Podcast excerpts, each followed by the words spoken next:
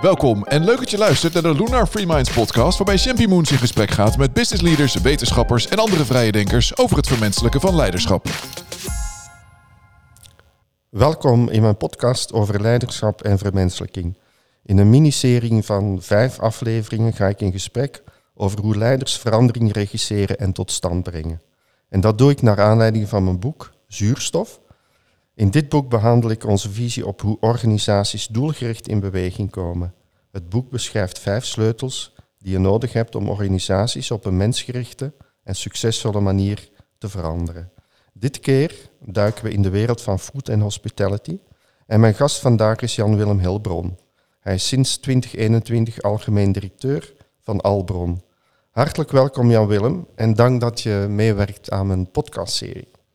Ja, dankjewel. Heel leuk om hier te zijn. Dankjewel. Wij werken al uh, geruime tijd uh, met jullie samen, ook aan de toekomstvisie en uh, transformatie van Albron. Ik ken jullie inmiddels redelijk goed en, en ook de sector daardoor. maar zou je voor onze luisteraars even kort kunnen ons meenemen in de wereld van Albron, jullie business, zodanig dat we een beeld hebben van waar je elke dag mee mag bezig zijn? Ja, graag. Uh, ja, kijk, Albon is een, uh, is een bedrijf uh, wat meer dan 100 jaar bestaat. het is een allround hospitality bedrijf. Van oorsprong een bedrijfsketeraar. Daar kennen de meeste mensen ja. Albon van. Mm -hmm. en wij doen eigenlijk ja, behoorlijk wat verschillende zaken. Maar hospitality is wel die rode draad die er altijd doorheen loopt. Dus bedrijfskatering, zoals ik al noemde. Nou, wij doen dan zowel catering op locaties waar mensen vooral achter hun bureau zitten. Dat noemen wij dan vaak mm -hmm. de kenniswerkers.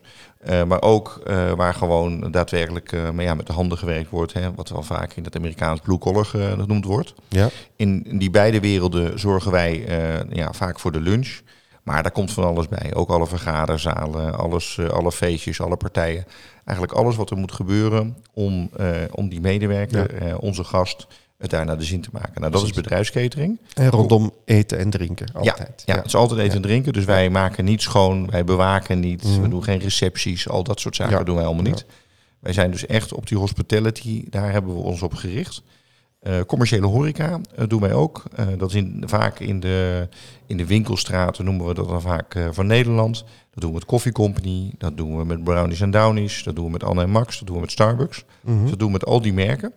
Uh, soms in een captive omgeving, maar meestal is dat in een omgeving waar we nou, eigenlijk uh, simpel gezegd een locatie aanhuren, waar we dan een keuze maken welk merk daarbij past. Ja. En dan exporteren we voor eigen rekening risico. Dan hebben we leisure tak. En in die leisure tak daar zit uh, Centerparks in. dus wij doen alle parken van Centerparks in België en in Nederland. -hmm. Totaal van tien parken. en daar verzorgen we zowel de hospitality, maar ook de retail. Dus ook de supermarkt is onze verantwoordelijkheid. Uh, en dat is een uh, groot deel van onze organisatie en dat doen we alweer uh, ruim 13 jaar. Ja. Um, dan hebben we ook nog een aantal evenementen. de Keukenhof, de Vierdaagse, de TT in Assen. dat vinden we ook belangrijk om dat te doen. Dat is ook belangrijk voor, voor onze naamsbekendheid en onze zichtbaarheid. Mm. Ja, dat is ook, ook en dat gaat altijd in combinatie met vrije tijd um, en eten en drinken dan ja, ook weer. Ja. En dan als laatste de zorg. Um, en de zorg is wel een hele specifieke tak van sport. Daar doen we een aantal zaken. Eén is voor de patiënten. Dus dat is echt de mensen die, de gasten die in een bed liggen. En waar, uh, waarvoor gezorgd moet worden. Dat is dus uh, eigenlijk altijd in ziekenhuizen. Maar wat we dus ook doen, is voor de medewerkers van de ziekenhuizen. Hè, want er werken ongeveer drie medewerkers op één patiënt in een ziekenhuis, mm -hmm. minimaal. Daar moet natuurlijk voor geketerd worden. Dan lijkt het alweer wat meer op bedrijfskatering. En we hebben dan ook vaak uh, cateringlocaties in de wachtruimtes van ziekenhuizen. Mm -hmm. Voor de mensen die komen brengen, komen halen. Of de mensen die alweer een beetje op de been zijn en alweer een wandelingetje maken. Mm -hmm. En dan één heel bijzonder iets wat wij doen. En dat is Smaakchef. Nou, daar heb je Mhm. misschien recent wat over gehoord, want daar hebben we de Innovatie Awards mee gewonnen, Ja. Pro Ricava. Ja. Ehm, en het leuke daarvan is, daar koken we dus voor kleine woonvormen. Dan moet je je voorstellen 12, 14 mensen die bij elkaar in een woonvorm eh, zitten. Dat kan zijn omdat je Alzheimer hebt of omdat je een Down-syndroom hebt. Mhm. Ehm, en daar wordt dus gekookt door een medewerker van ons, een smaakchef. Dat kan een meneer of een mevrouw zijn. En dan koken we dus het menu wat we met elkaar dus dan bepalen. En dat wordt dan tussen de middag daar gekookt. Dus iedereen moet zijn steentje bijdragen. Dat is aardappeltjes schillen enzovoorts. En dan wordt het ook gezamenlijk gegeten. Ja. En dan kan die zorgmedewerker die kan eventjes wat anders doen. Want die zijn natuurlijk hartstikke druk. En wij eh, pakken dan eh, dat deel van de dag. Mooi. En dat doen we dan eh, op al die locaties in Nederland. Ja, cool. Ja. En dan ben ik nog een aantal dingen vergeten, maar die komen vast nog wel even te sprake. Ja. Want anders gaat het te lang duren. Ja, heel goed. Ja. Nou, we hebben het eh, over eh, verandering. Daar gaat ook mijn boek over. En ook jullie sector ontkomt zeker niet aan allerlei verandering op zakelijk, eh, technisch, maatschappelijk vlak. wat zijn hier voor jou de belangrijkste uitdagingen? Zou je dat even ons daar een inkijkje in kunnen geven? Ja, dit, Want het zijn er nogal wat. Hè? Ja, inderdaad. Het is, kijk, de hospitality-branche in de hele breedte heeft misschien wel nog nooit zoveel verandering doorgemaakt als nu. Eh, met het risico dat je natuurlijk niet vooruit kan kijken, maar zo, zoals ik dan terugkijk. Kijk, er zijn een aantal zaken die zijn meer ehm, ja, korte termijn eh, manifesten. Dan heb je echt eh, direct op te acteren.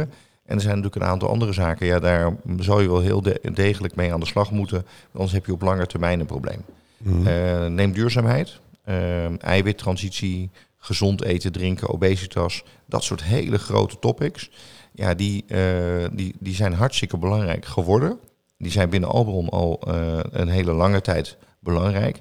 Maar je merkt wel dat ehm, die code kraken, ja, dat is iets, daar zijn we dagelijks mee bezig. Hoe gaan we er nou voor zorgen dat het duurzamer, gezonder gegeten wordt en dat het ook nog lekker is? Mhm. Eh, zonder dat mensen zich betutteld eh, voelen. Want zeker in Nederland, hè, wij zijn natuurlijk een Nederlands eh, horeca, hospitality bedrijf. En we zitten wel een klein beetje in België, maar Mhm. vooral die Nederlander. Ja, daar merken we toch van als het moet, ja, dan Mhm. willen we het eigenlijk bij definitie niet. Nee. Dus dat is, een, dat is een hele grote, maar ook een hele ingewikkelde. Maar de arbeidsmarkt is er ook eentje. En dan gaat het niet zozeer over, goh, we hebben vandaag een aantal vacatures en dat is een probleem. Tuurlijk, dat speelt Mhm. ook. Mhm. Maar wat veel belangrijker is, hoe kunnen we er nou voor zorgen dat die hospitality-branche aantrekkelijk is voor werkend Nederland? Ja. Ehm, want we concurreren uiteindelijk tegen de zorg, tegen de, eh, de verduurzaming van Nederland. En je kan op zoveel manieren eh, werken en je geld verdienen. En tegelijkertijd zien we dat mensen toch over het algemeen minder uren willen maken. Ja. Dus die productiviteit gaat omlaag. Mhm. En we hebben eigenlijk nog no- nooit met elkaar zulke grote tekorten gehad. Nou, dus, dat is echt een, eh, een behoorlijk dilemma. Ja. Eh, dus dat zijn twee hele grote topics. Mhm. Ja, en verder ehm, kom je dan daardoor in allerlei vervolgvragen. Goh, robotisering, Mhm. ehm, dat wordt nu urgenter. Hoe, hoe werkt dat dan als hospitality en gastvrijheid een van je belangrijkste ingrediënten is? Mhm. Kan je dat in combinatie met een, een robot of een, of, een, of, een, of een karretje wat je eten komt brengen of je, of je servies komt ophalen? Kan dat? QR-codes, zodat je daar zelf mee kan bestellen en dat er niet iemand meer aan tafel, hoeft- tafel hoeft te komen. Mhm. Dan, dan kom je natuurlijk heel dicht bij, eh, ja, waar, waar, waar zijn wij nou eigenlijk echt van?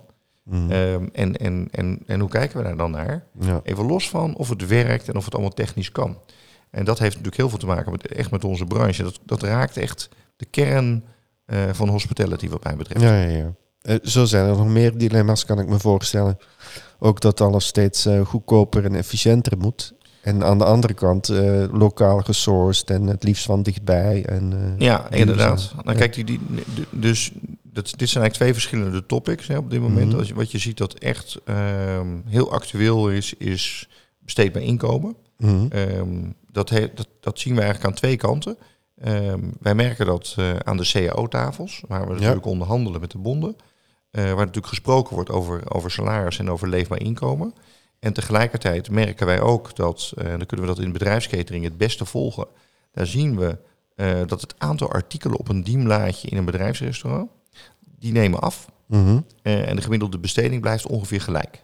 Ja. Dus dat betekent uiteindelijk dat door die inflatie die we met elkaar hebben doorgemaakt, ja, dat je minder artikelen eh, uiteindelijk eh, nou ja, Ja. tijdens de lunch gebruikt. Ehm, dus dat is er één. Dus hoe kan je er nou voor zorgen dat je nog steeds aantrekkelijk Dus dan krijg je prijsdruk. Mhm. Maar tegelijkertijd heb je, wat ik dus net aangaf, die, die, die, die duurzaamheidstransitie die we door moeten met elkaar. En dat zijn best wel hele lastige combinaties. Mhm. Kijk, lokaal sourcen, ehm, daar ben ik dan persoonlijk wat kritisch over. Mhm. Eh, want ik denk eh, dat als we heel goed kijken naar eten en drinken, en eh, misschien gaan we het daar zo nog wel even over hebben. Maar als je al die monden wil voeden in heel de wereld, ja, dan is efficiency, komt toch eigenlijk eerst. Mhm. Ik weet wel dat dat niet fijn klinkt. Mhm. En ik denk nog steeds dat je heel goed, heel efficiënt, duurzaam eten Mhm. kan produceren. Onze kipsterfarm is daar denk ik een goed voorbeeld van. En wij, al onze zuivel die we gebruiken is biologisch. Het liefst geen zuivel, maar als we zuivel gebruiken is die biologisch. Dat kan allemaal wel.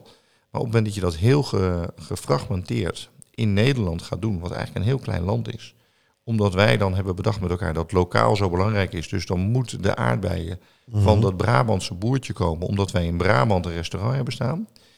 Ja, daar, daar, daar mis je denk ik een behoorlijk stuk efficiëntie mee. En daardoor gaat er vaak ehm, ja, meer grondstoffen, meer water, eh, allerlei zaken naartoe. Ehm, en ik weet niet of dat nou helemaal de goede weg is. Nee. Eh, ik, ik snap wel ehm, het, het warme gevoel wat je erbij krijgt. Hè, want het is lokaal, het zit in een mooi kratje, je kent de boer. Die staat vaak ook met een gezicht, of de boerin, die staat vaak met een gezicht dan eh, hè, op het plaatje. Allemaal heel romantisch. Ja. En maar dat is eigenlijk ook precies wat ik zeg. Ik denk dat het heel romantisch is, maar als je er feitelijk naar kijkt.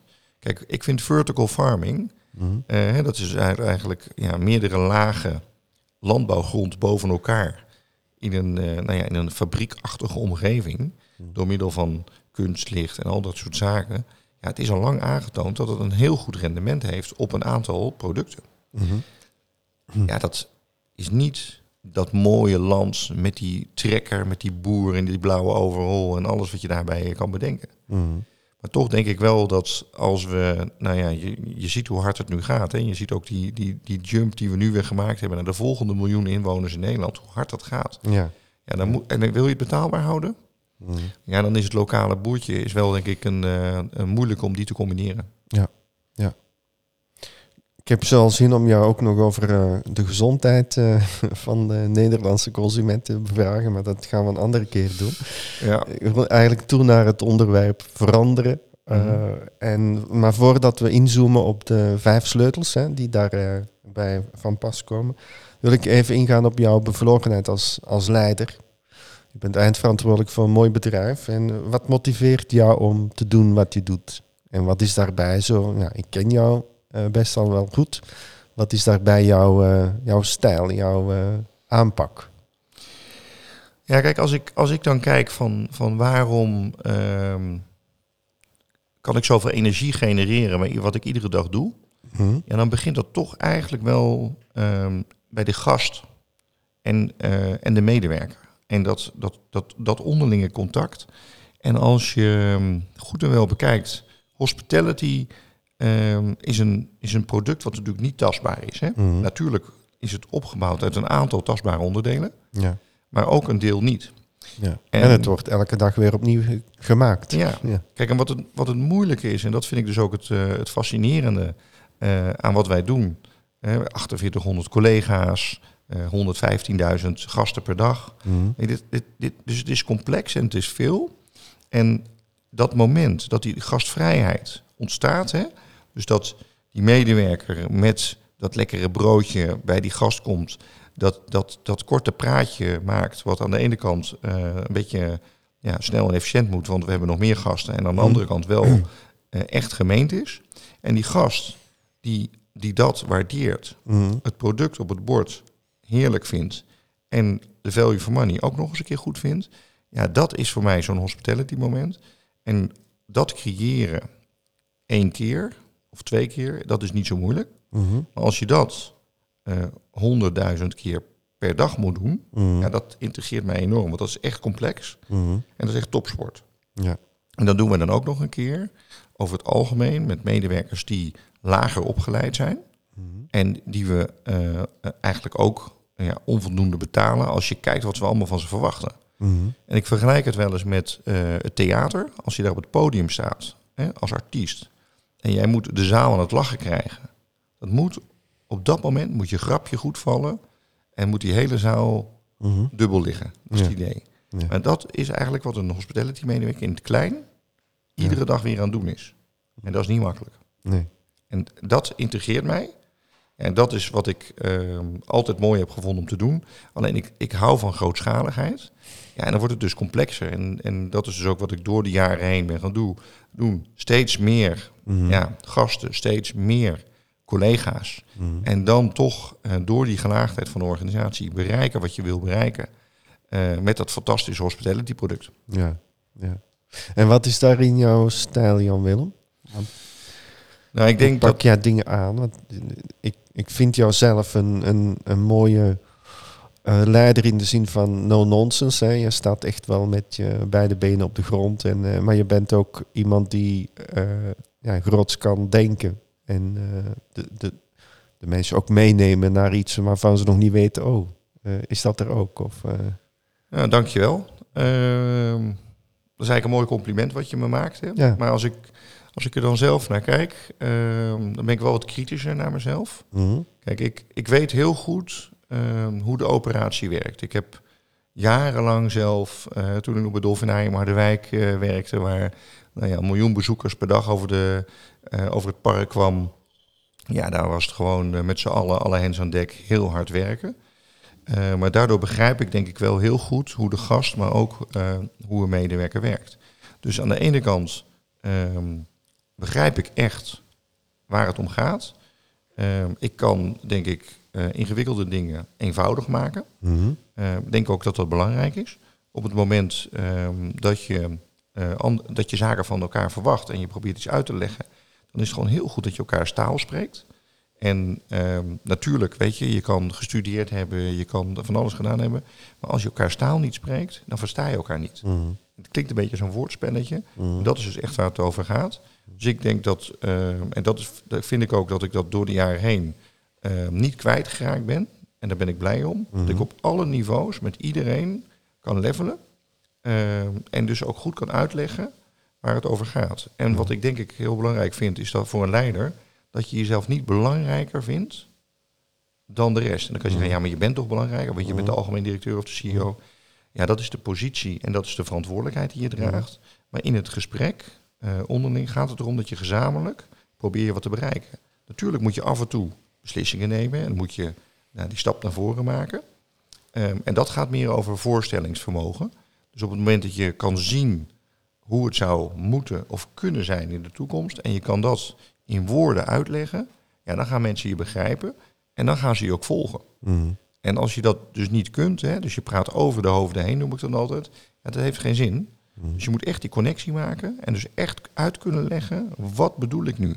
En daar heb je, moet je niet te veel woorden voor kunnen gebruiken, Nee. want, want die heb je niet. Want communicatie is ontzettend moeilijk. Ja. Zonder verbinding geen leiderschap, zou Gabriel Antonio zeggen.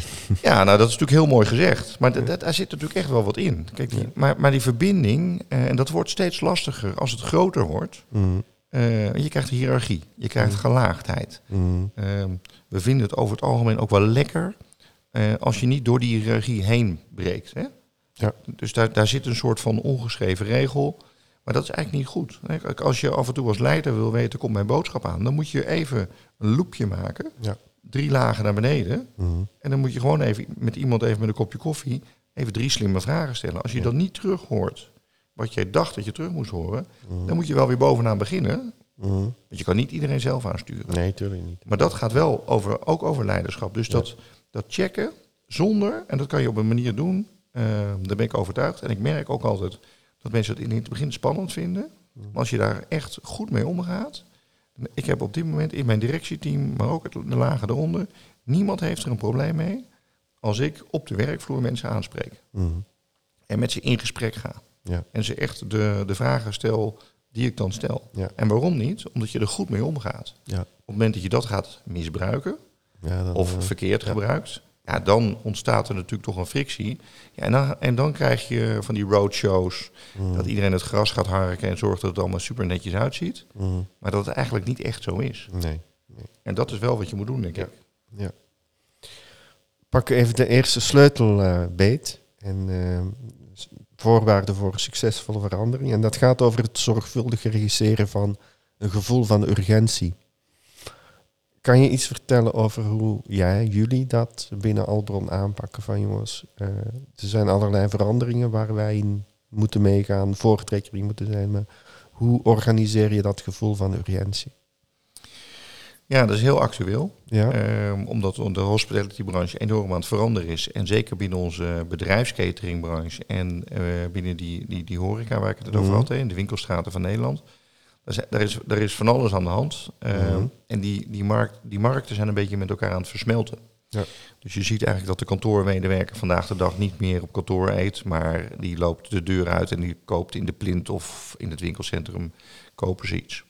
Ehm, dat is heel anders dan vroeger. Ehm, er is ook een hele generatie onderweg die anders denkt over eten en drinken dan voorheen. Dus dat soort Mhm. grote thema's, eh, die zijn heel urgent. Want eh, dat is nooit eh, wit-zwart, hè? dat loopt in elkaar over. Eh, en daar moet je dan met elkaar een, een, een, eigenlijk een oplossing voor vinden. Ja. Ja, hoe doen we dat dan? Of hoe doe ik dat? Ja, ik denk, ehm, je begint klein. ehm, en dat is vaak toch dan met je directieteam. Ehm, en dan ga je op zoek naar, naar mensen in je organisatie. En dat hoeft dus niet per se hiërarchisch bepaald te zijn, maar dat zijn mensen in je organisatie die openstaan voor, voor deze verandering. Ehm, en die, waar je van overtuigd bent dat die wel eens een ambassadeur kunnen zijn eh, om de urgentie voor dit probleem aan te dragen. Mhm. Dus dat is wat anders dan per se het probleem op te lossen. Mhm. Eh, maar je wil dus eigenlijk dat je, dat je mensen om je heen verzamelt voor dit specifieke grote veranderingstraject. Mhm. Die ehm, denken van, oh ja, dit is eigenlijk wel gaaf wat hier Ja. gebeurt. Ja. Hier krijg ik energie van. Ja. En dat is natuurlijk heel iets anders als dat je mensen aan tafel zet omdat ze toevallig in een hiërarchische positie zitten en die het er eigenlijk niet mee eens zijn of het niet- nog niet voor zich kunnen zien. Mhm. Ehm, en zo eh, gaan we dan op zoek hè, naar, naar die sleutelfiguren. Ja. En dan ga je met die mensen in gesprek. En dan wordt die groep steeds groter. En dan eh, ergens bereik je dat kantelpunt. Ehm, en soms gaat dat snel, en soms duurt dat wat langer. Omdat je dan, ja, er wordt steeds meer over gesproken.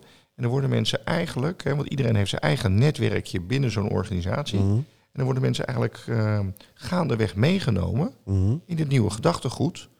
En dan, en dan in één keer gaan ze het zelf ook zien. Ja. Want niet iedereen ziet op hetzelfde moment ehm, het belang van urgentie. Mhm. Hè, dat, dat, er zijn hele leuke filmpjes over de mobiele telefoon. Hè, die heb je denk ik zelf ook Ja. wel eens gezien. Ja. Dat mensen het een raar ding vinden, die vinden er van alles van. Maar er zijn ook al mensen op dat moment die, die zien het al. Nou, dat is natuurlijk een hele feitelijke verandering. Maar een verandering in consumentengedrag, hè, want daar hebben wij helaas toch wel Mhm. vaak mee te maken. Zeker. Ja. Dat is een ander spel. Ehm, en dat, dat, moet- ja, dat, dat moet een beetje aan je groeien. En Mhm. dan ga, je er, eh, ja, dan ga je erin geloven. En als je erin gaat geloven, ja, dan durf je ook de keuzes te maken die erbij horen. Maar je Ja. begint klein. Ja, ja. Mooi hoe je dat zegt, ja. En heb je daarbij ook eh, een stukje, eh, ja, noem het maar een beetje van we moeten veranderen, een beetje crisisgevoel? Als we het niet doen, dan eh, zijn we er straks niet meer? Of zit dat niet zo in jullie systeem? Ja, nou ja, kijk, dat, dat is natuurlijk het, ehm, het, het lastige. Kijk, ik voel ehm, die urgentie vaak heel erg. Mhm. En dan, ehm, dan moet je denk ik toch proberen te doseren. Ja. Eh, want je kan wel heel hard gaan duwen. Mhm. Ehm, maar de kans dat, hè, dat als, als ik net uitleg hoe ik denk dat je dit moet doen, ja, dan is de kans dat, eh, dat je maar een heel klein groepje meekrijgt, Mhm. is heel groot. Ja. Eh, je wil niet die roepen in de woestijn zijn. Nee. Dus ik voel wel vaak van binnen die urgentie, hè, een Mhm. beetje stress. Dat je denkt van het moet snel. hè. Je wil niet de, de nieuwe Kodak van morgen zijn. Nee. Dus dat, en dat moet je soms wel zeggen Mhm. om aan te geven van jongens, dit is echt een grote verandering. Dus Ja. kom op. Ja. Maar ik denk toch dat het het beste helpt als je een, een groep mensen eh, weet te activeren die inhoud kunnen geven aan die woorden. Ja. Want als je het namelijk eh, voor heel de groep, hè, dus stel dat je onze 4800 medewerkers allemaal bij elkaar zet Mhm. en je wil in een half uur gaan vertellen wat er moet gebeuren en waarom, dat kan wel, maar dat is nooit genoeg. Dus je moet daarna nog een aantal keren, Mhm. zeker met die mensen die het nog niet begrijpen of nog niet geloven, Mhm. moet je in gesprek. Ja, gelukkig heb je natuurlijk een, je hebt, een, je hebt aan de ene kant een hiërarchie binnen een organisatie, maar de hiërarchie is niet altijd geschikt om een echte verandering, een Nee, systeemverandering nee. in je organisatie door te voeren. Nee. Dus het is een soort van ja, tussensysteem. En dat Mhm. gaat vooral ook over, eh, nou, over de mindset ja, en ook over eh, het, het interne netwerk. Dus met wie praten deze mensen natuurlijk weer? Mhm. Dat zijn als het goed is ook wel vaak de leiders van je organisatie. Hè? Ja. Anders heb je gewoon denk ik iets niet goed ingericht. Mooi. Mooi hoe je dat ook zegt van doseren is belangrijk. En dat is ook precies wat ik eh, in mijn boek eh, beschrijf. Ja. De tweede sleutel is vertrek altijd vanuit een doorleefd verlangen. Liefst een intrinsieke motivatie, want dat zet mensen echt in beweging.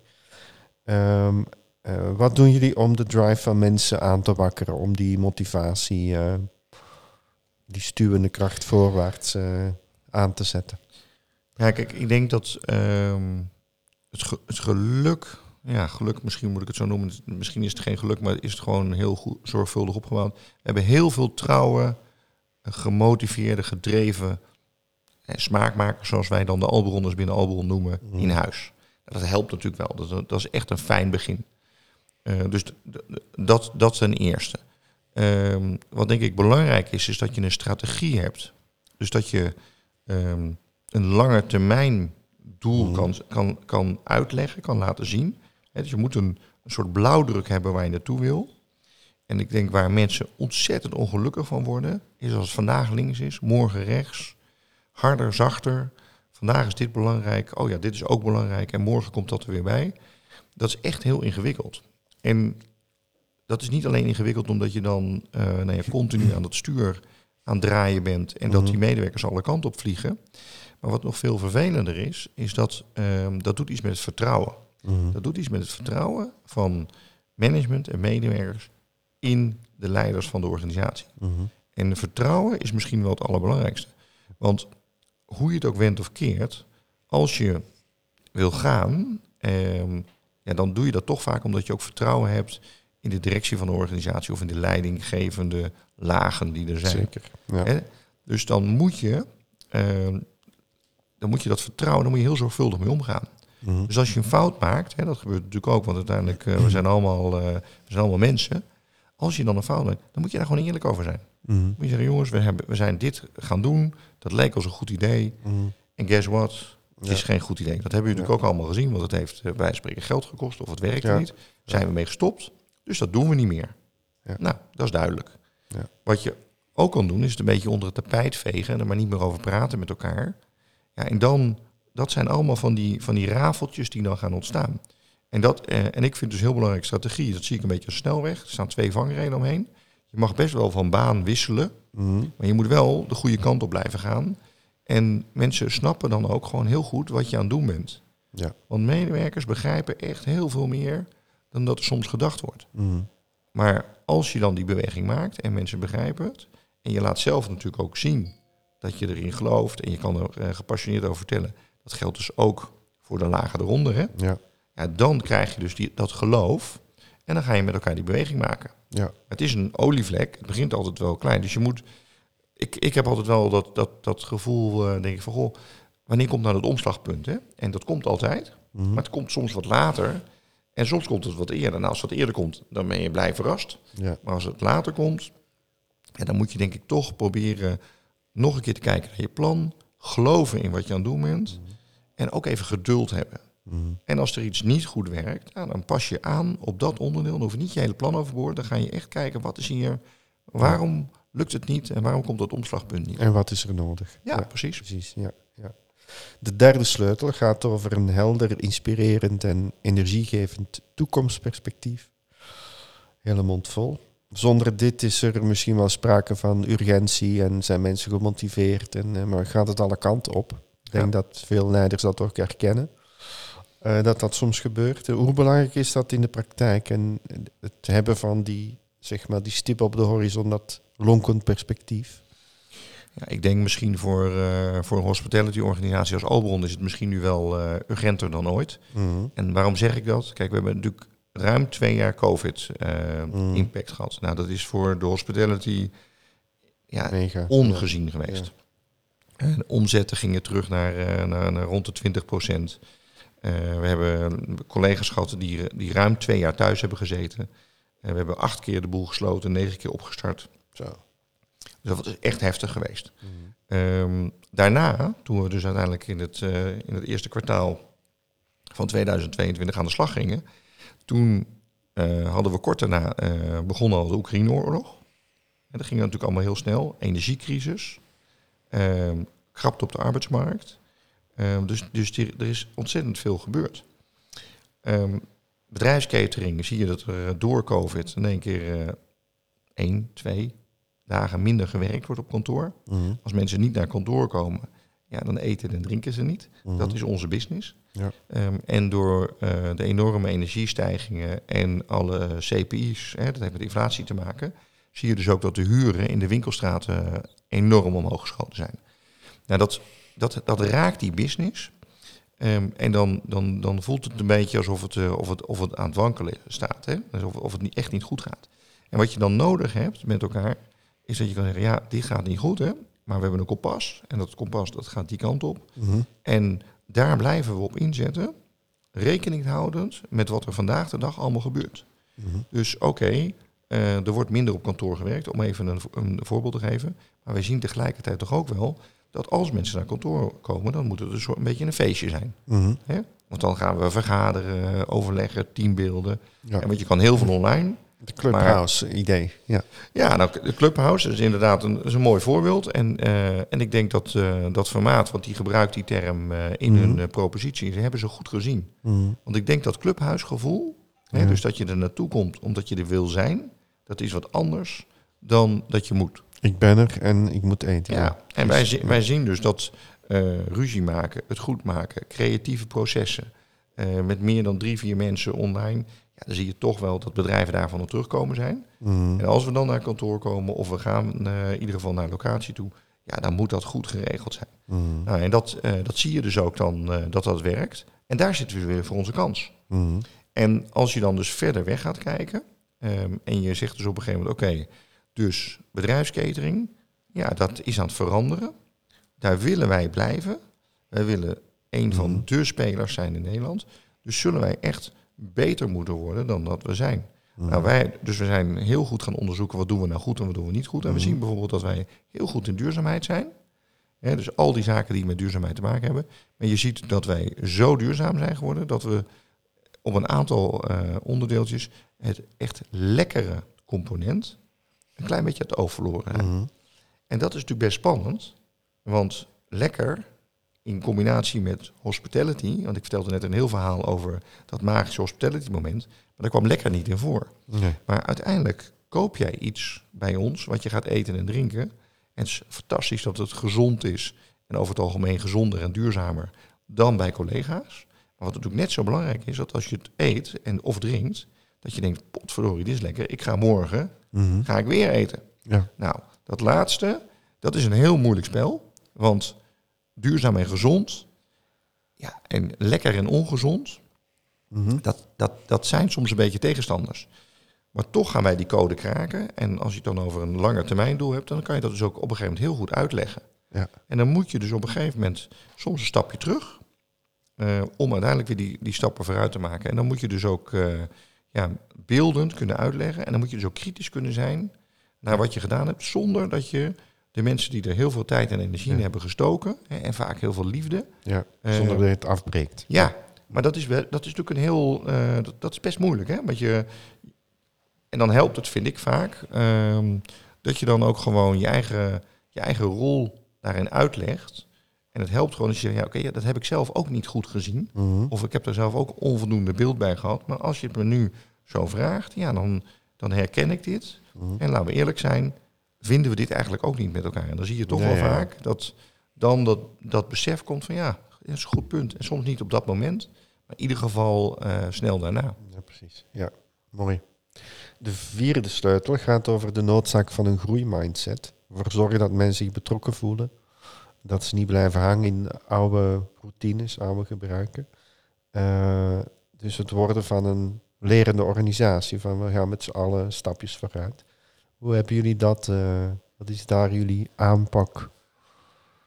Ja, kijk, ik vind eh, een groeiende organisatie, hè, ik denk groei, groei eh, kent twee pijlers. Mhm. Ehm, uiteindelijk kan je groei heel mooi meten in transacties, gasten Mhm. en omzet. En die is wel belangrijk, want ehm, eh, die tweede groei, waar ik dan zo even op in zal gaan, die is wat ingewikkelder. Dus ik denk dat het altijd heel mooi is en goed helpt als je gewoon zegt, wij hebben een omzetdoel Mhm. over vijf jaar. En het maakt niet zo van uit of dat nou eh, precies op de euro klopt, hè? want je Mhm. merkt dat het de financials binnen een bedrijf worden daar zenuwachtig van. Mhm. Maar gewoon een, een lekker, mooi, rond bedrag wat klinkt, wat je kan onthouden. In, kijk, wij, doen- wij doen ongeveer 300 miljoen omzet op dit moment binnen Albron. Alles bij elkaar 500 miljoen. Dat is die stip aan de horizon. Eh 250.000 gasten per dag. dat, dat soort eh, aantallen, dat helpt. Want dan denk je, oh ja, dit is dus niet in een klein stapje. Hè? Dus het is niet 330, nee, oh, het is 500. Dus je moet groot denken. Ja. Ja, dat is denk ik belangrijk om te doen. En tegelijkertijd ja, moet je natuurlijk er wel voor zorgen dan met elkaar dat je inderdaad ehm, iedere dag beter wordt. En eh, lerende organisatie vind ik altijd heel mooi klinken. Mhm. Ehm, maar dit is wel waar het over gaat. Dus kijk, een deel van onze business wordt gewonnen door middel van aanbestedingen. Nou, dat, dat is best wel een ingewikkelde business. En je moet een beetje houden van verliezen. Want over het algemeen win je niet alles. Nee. Nou, dat, dat, dat, dat is dus in praktijk ook zo. Maar wat je wel kan doen, is dat op het moment dat je niet wint, ehm, of als je wel wint, dan kan je nog steeds heel goed gaan kijken, oké, waarom hebben we gewonnen? Wat hadden we beter kunnen doen? Waarom hebben we verloren? En als ik nou gewoon ehm, echt objectief kijk naar mijn collega's, concurrenten, waarom hebben die nu gewonnen? Mhm. En dat is, dat, dat is moeilijk, zeker voor commercianten, want die hebben toch altijd de neiging om uit te leggen eh, eh, dat het eigenlijk een beetje onterecht is, Mhm. dat het niet gelukt is. Ja. Ehm, en dat snap ik, hè, dat is de eerste emotie en dat mag ook, hè, dus dat Mhm. mag er ook zijn, want als je heel graag wil winnen, dan ben je als het goed is ook teleurgesteld als het niet gelukt is. Ja. En ik neem dit voorbeeld omdat het een makkelijk voorbeeld is, maar dit gaat in heel veel andere voorbeelden ook op. Maar uiteindelijk moet je eh, als team een afstand kunnen nemen, een stapje terug kunnen doen en moeten zeggen, oké, wat hebben we nou gemist? Of wat hadden we beter kunnen doen? Mhm. Of hoe kunnen we het de volgende keer slimmer doen? Mhm. Want, eh, en dan word je dus beter. Maar dit geldt ook voor een inkooporganisatie. Dit geldt ook voor de introductie van een nieuw IT-systeem. Dit geldt ook voor een HR-afdeling. We hebben eh, heel recent voor al onze medewerkers iets leuks gedaan eh, in de financiële zin aan het einde van het jaar. Nou, dat hebben we fantastisch gedaan, eh, denk ik zelf. Maar we krijgen ook feedback. Mhm. Dus, en dan heb ik het niet over positieve feedback, maar over negatieve feedback. Dus toch zijn er een aantal mensen die er iets van vinden. Mhm. Nou, ik doe dit al een tijdje, dus ik weet dat 4800 medewerkers tevreden, Mhm. allemaal tevreden, dat lukt niet. Maar toch vind ik dat je het ongemak moet opzoeken van ehm, wat, wat, wat wordt hier nu gezegd? Precies. Ja. En Ook dan- al zijn het er maar tien. Ja, Ja. precies. Ja. En dan moet je dus toegankelijk zijn. Ja. En dat, ehm, ja, dat is wel leuk. eh, misschien een beetje een sidestep, maar ik, ik, als ik mag. Kijk, ik eh, maak heel regelmatig een YouTube-filmpje voor de organisatie. Wij Mhm. merken dat eh, onze medewerkers het fijn vinden als ze iets aan kunnen klikken en het kunnen bekijken in plaats van iets lezen. Ja. Ehm, dus ik, dat heet dan het minuutje van Jan Willem. Niet alleen omdat het een minuut is, maar ook omdat wij natuurlijk in het eten en drinken zitten. Dus Ja. een menu. Hè, dus. Ja. aardig gevonden. Maar het voordeel daarvan is wel, die stuur ik uit mijn eigen inbox, eh, dus uit mijn eigen eh, mail, stuur ik die weg. Mhm. Dus als je reageert op dat filmpje, dan kom je dus bij mij binnen in mijn inbox. En eh, nou, daar, daar werd me natuurlijk in eerste instantie, dat moet je niet zo doen, want dan gaan mensen jou mailen en dan moet je toch niet willen. Mhm. Nou, daar ben ik het dus niet mee eens. Eh, ik vind dat je echt benaderbaar moet zijn. En dan moet je niet zeggen, ja, mijn deur staat altijd open, want dat is helemaal niet waar. Want ik zit meer dan de helft van de dag in vergadering, dus die deur zit gewoon hartstikke dicht.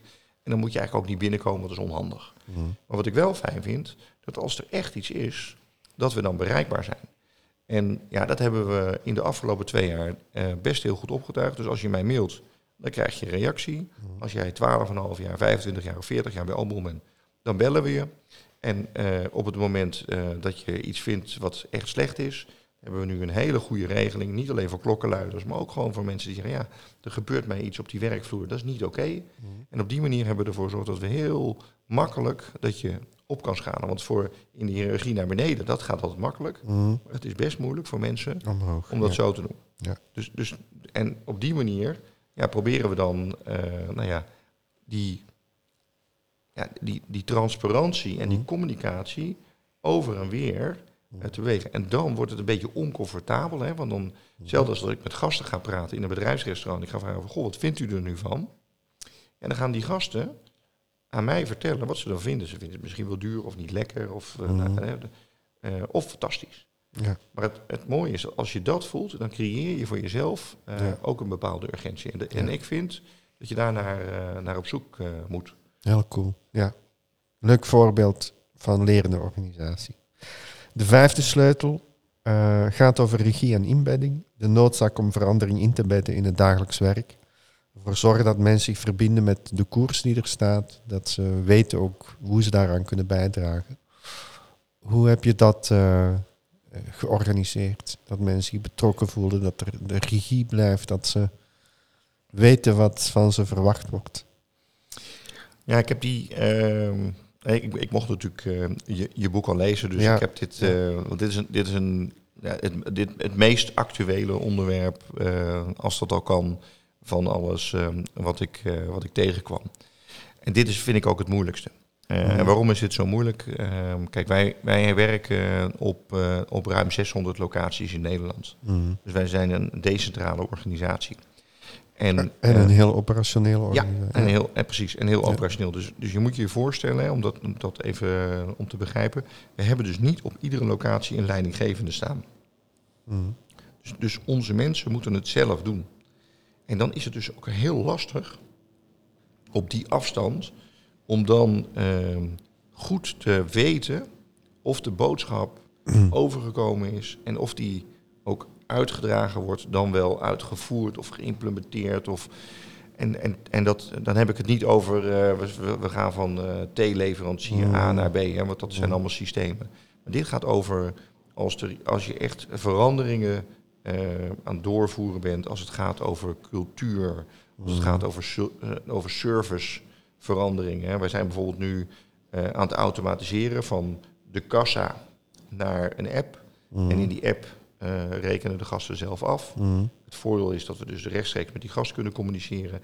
Maar dat is voor heel veel bedrijfskatering-collega's, die, die vonden dat achter de kassa en dat praatje bij de kassa, dat, dat, vond, dat vonden ze ja. een fantastisch moment. En nu ehm, zie je dus dat we heel veel problemen oplossen. Hè. Je hoeft niet twee keer in de rij, ehm, je hebt geen kassamedewerker nodig, je kan lekker met die producten bezig zijn. Allemaal goede zaken. Mm. Maar je ziet wel dat wij, eh, zeker met de populatie eh, die, eh, die, die 50 plus is in de bedrijfskatering, die, die toch anders kijken naar, naar dit soort innovaties. Dan zie je dat, dat het gewoon meer tijd kost. Maar het, kost, het heeft vooral aandacht nodig. Mm. Dus het steeds weer uitleggen wat is nu het voordeel. En ook het laten ervaren hoe geweldig het is. Ja. En daar, heb ik een, eh, daar zie je dan ook voorbeelden. Ik ging op een gegeven moment op onze eerste locatie waar dan die app live ging. Daar, eh, Mhm. daar was ik natuurlijk zelf ook eh, bij. Is toch een beetje zo'n moment, hè, zo'n, zo'n, zo'n hele automatisering. Daar hebben we een tijd aan gebouwd. Mm. En nou, die twee dames die daar werkten, die, die stonden daar vol enthousiasme.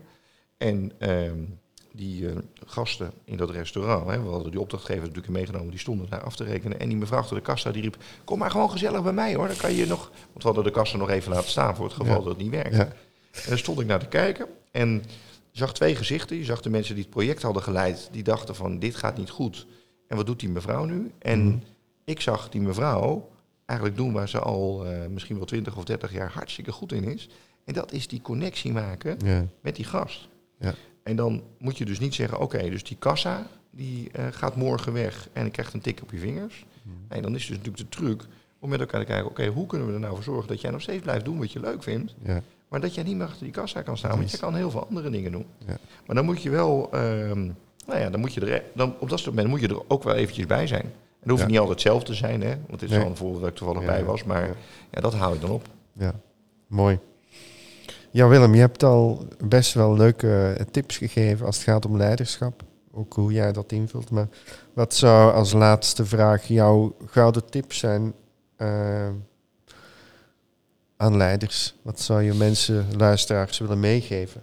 Ja, mijn, mijn gouden tip, och, ik weet niet of het een gouden tip is, maar de, wat ik, ehm, wa- wat je denk ik voor jezelf moet organiseren, want ik denk dat iedere eindverantwoordelijke razend druk is. ehm, en waarschijnlijk eh, over het algemeen ook, ook, ook niet alleen hard werkt, veel Mhm. verantwoordelijkheid voelt. Eh, dus ik heb eigenlijk twee, ehm, twee zaken. Mhm. Eén, zorg goed voor jezelf. En wat ik daarmee bedoel, is dat je, dat je zorgt dat je fit bent. Eh, want als je echt fit bent, ja, dan kan je gewoon veel zwaarder tillen. En dat klinkt een beetje flauw, maar zo is het wel. Ja. Dus zorg dat je sport, zorg dat je gezond eet, zorg dat je niet te veel drinkt of niet drinkt. Mm. Dus dat je op die manier echt gewoon eh, daar tijd, energie en dus geld in steekt. Ja, En daar dus dat echt organiseert. ja. En als je dat doet, Uh, dan zou mijn tweede zijn, ehm, ja, zorg ervoor dat je het, het, ongemak, hè, Jeroen Smit zegt altijd wel een beetje ja, alsof je door de heg moet. Hè. Mhm.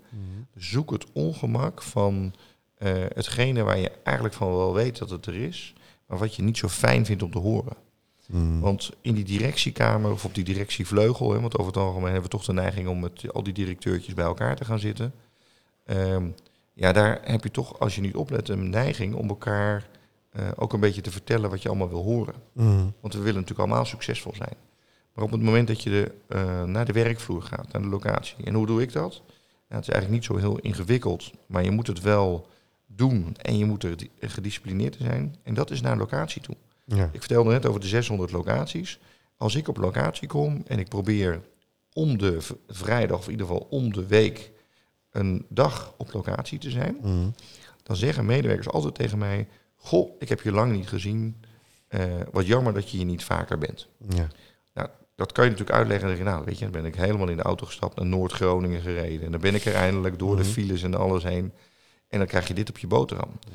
Maar als je dan uitlegt van ja, nee, dat begrijp ik, ik zou hier ook wel vaker willen zijn, maar wij hebben 600 locaties. Mm. Uh, er zitten 52 weken in het jaar. Mm. Dus ik denk dat als het een beetje mee zit, dat als je me nog een keer ziet in de komende twee, drie jaar, dan is, het, uh, dan is het echt wel goed. Kijk vooral naar mijn YouTube-filmpjes. Ik ben blij dat ik er nu ben. Hoe gaat het hier met jouw business? En dan praat dan op dat niveau met je collega's, niet alleen met de leidinggevende, maar met iedereen die er is. Dus plan dat dan ook goed. En op die manier ja, dan haal je hartstikke goede informatie op. Ja. En als je dat dan voelt en je voelt die urgentie nog als je bijna de deur uitloopt of je zit net in de auto, zet het dan gelijk om in actie. Niet mm. in de emotie, mm.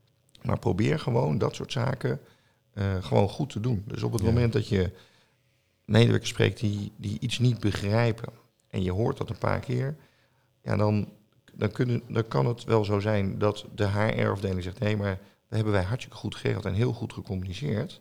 Dat is dan toch niet goed gegaan. Nee. En dat kan je dan oppakken. En op die manier, door dat onge dus als je over duurzaamheid praat, of over prijsstelling in je restaurant, of over gastvrijheid, of over, over de CEO. want uiteindelijk de CEO sluit je af met de bonden. Mm. Die medewerker die voelt het in zijn portemonnee. Durf gewoon met die medewerker te praten mm. over wat hij verdient en wat hij tegenkomt. Mm. En dan kom je op een gegeven moment een stapje in de auto en dan denk je, weet je wat, we hebben een sociaal fonds. Hè, dat, dat is bij Albron zo. Dus als je financieel in de problemen komt, dan kan je aankloppen en dan gaan we je helpen.